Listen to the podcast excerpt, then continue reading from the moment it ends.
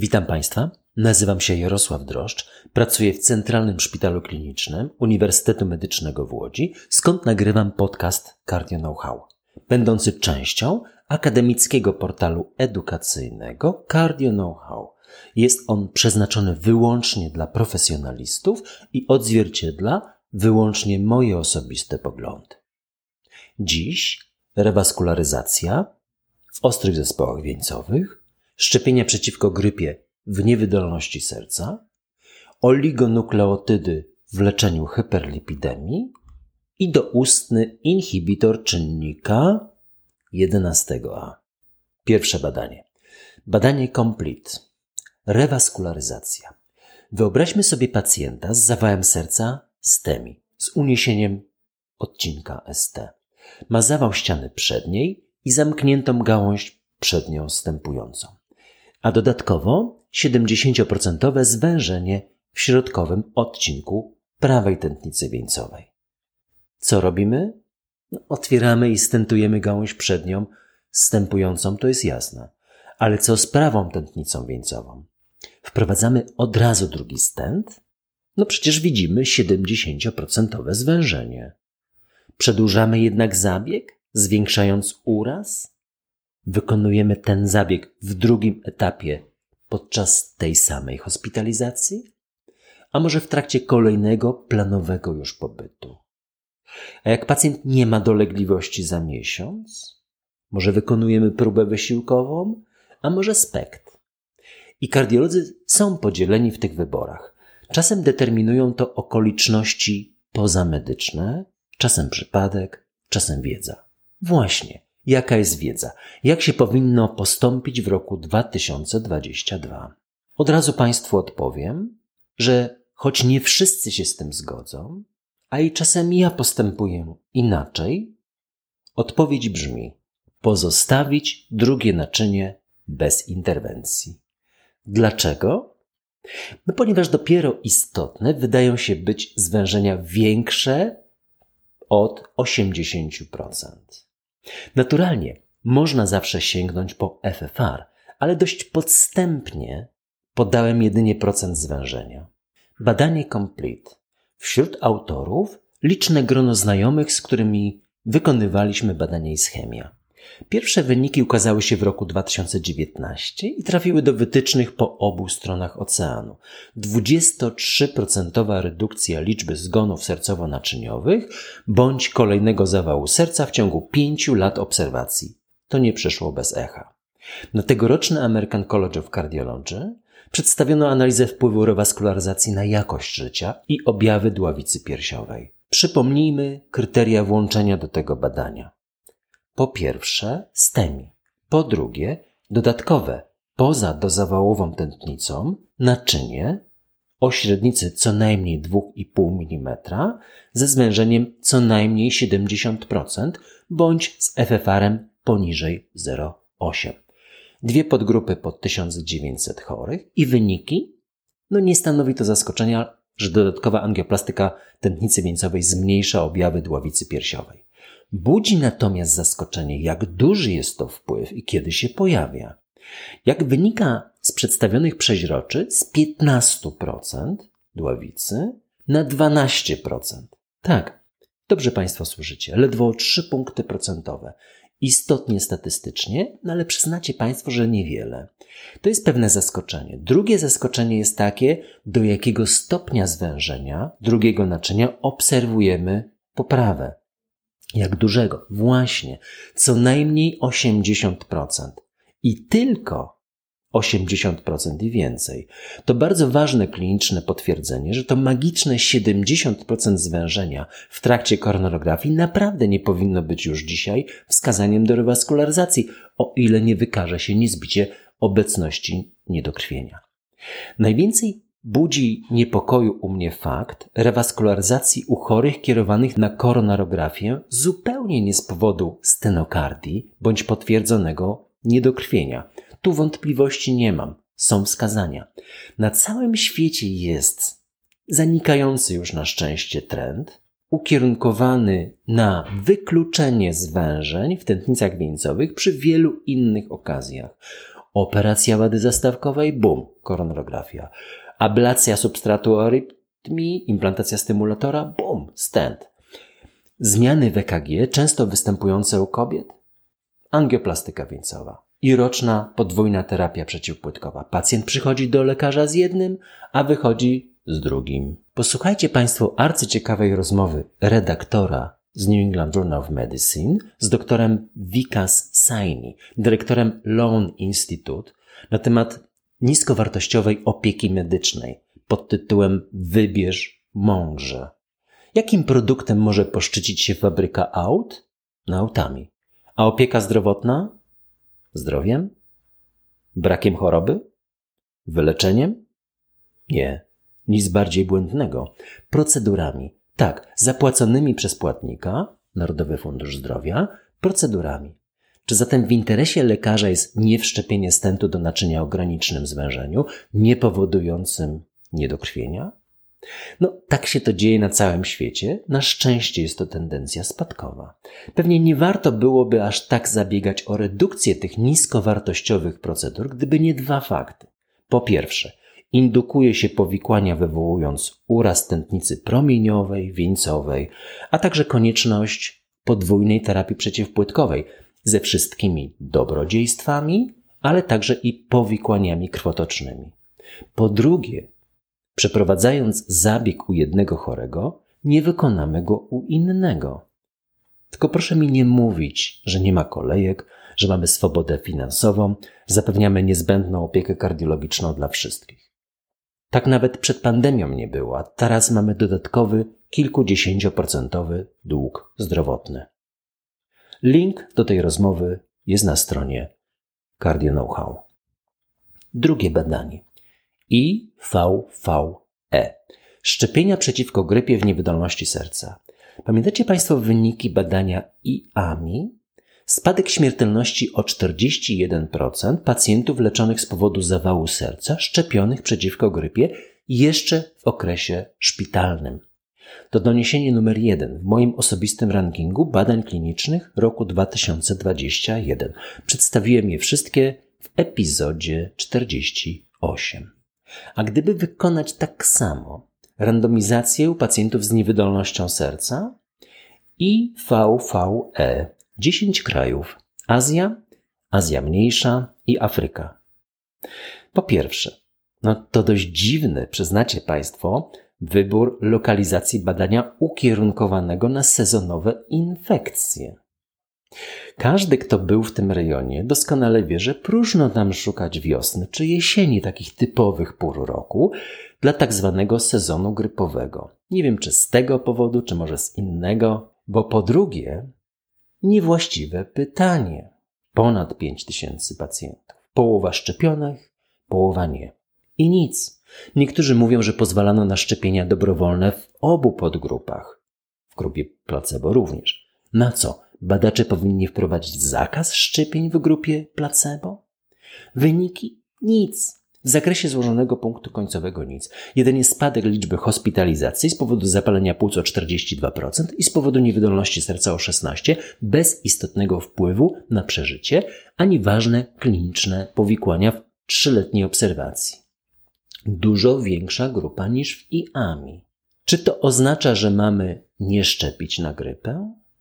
Część purystów badań klinicznych tak może odebrać te wyniki. Mój wniosek, pewnie dla Państwa zaskakujący i z pewnością bolesny dla ucha badaczy IVVE, jest następujący. Po pierwsze, szczepić przeciwko grypie. Badacze zadali nieroztropne, moim zdaniem, pytanie, czy szczepić.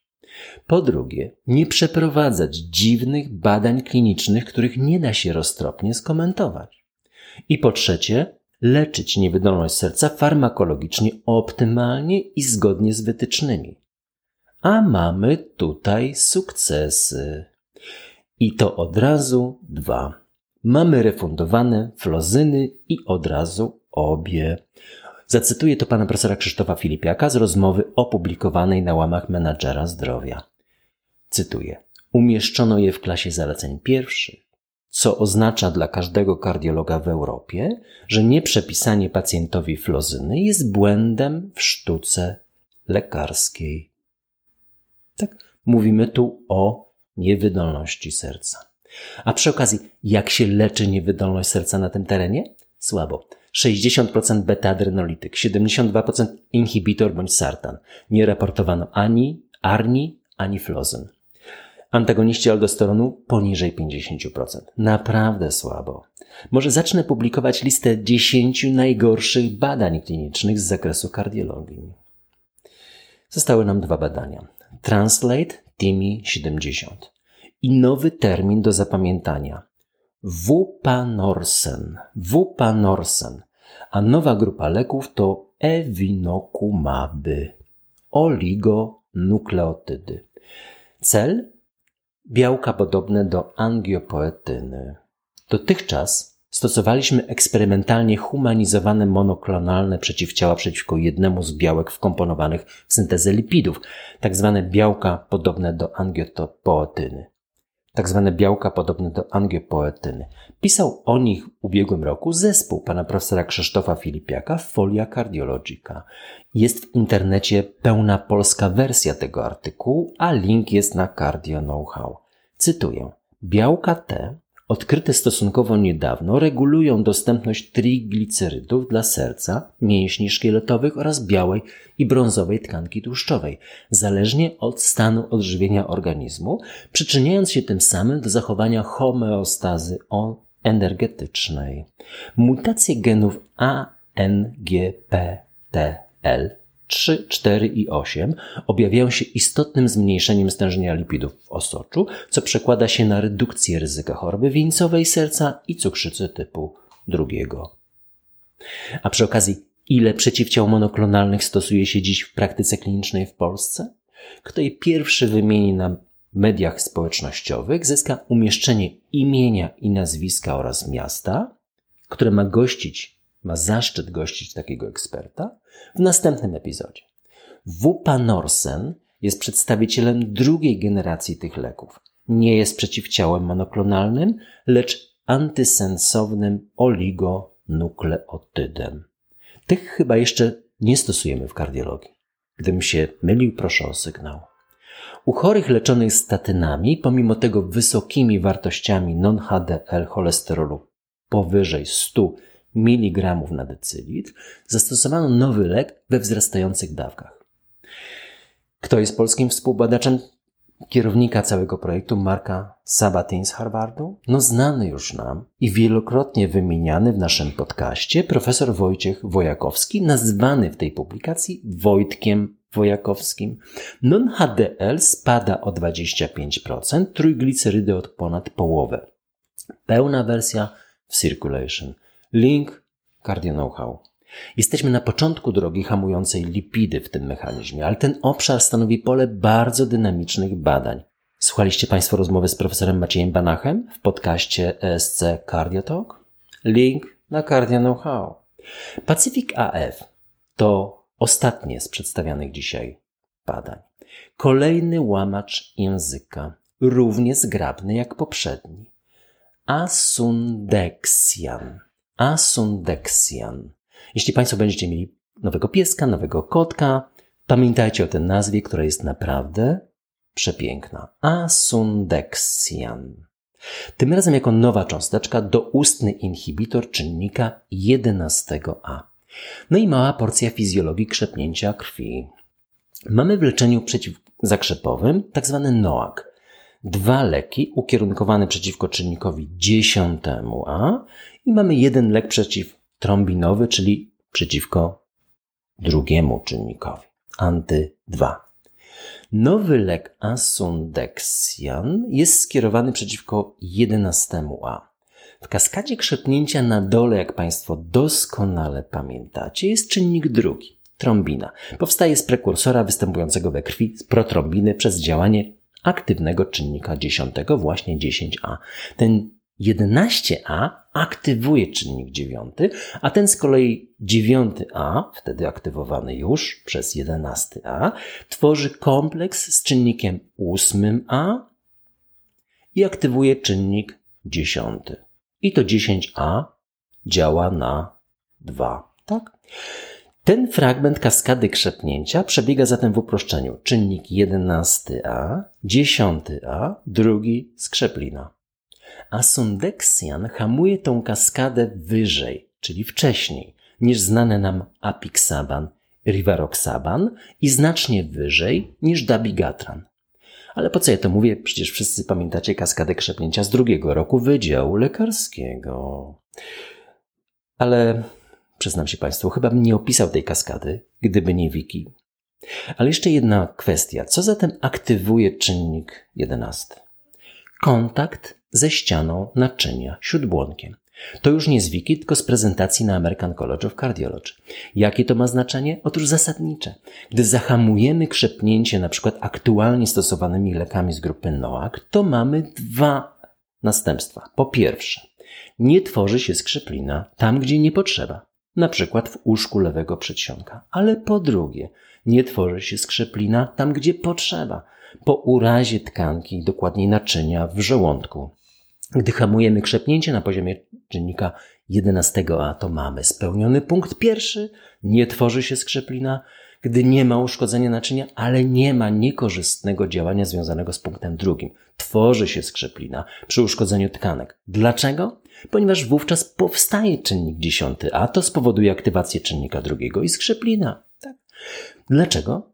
Ponieważ czynnik 10 aktywowany jest także poprzez czynnik 9, 8 i 7 w czym mają udział liczne inne białka.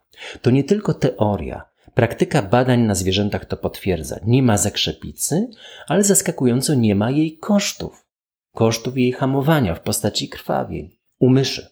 U ludzi zakończono badanie drugiej fazy, ale wcześniej zaobserwowano, że u osób z wrodzonym defektem czynnika 11 rzadziej występują zakrzepice, ale nie częściej niż zazwyczaj mamy krwawienia.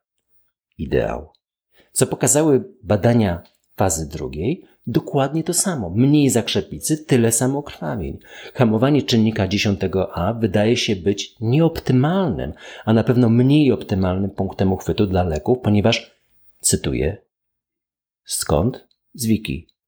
Czynnik 10a odgrywa również rolę w innych procesach biologicznych, które nie są bezpośrednio związane z koagulacją, takich jak gojenie się ran, przebudowa tkanek, zapalenie, angiogeneza, miażdżyca tętnic.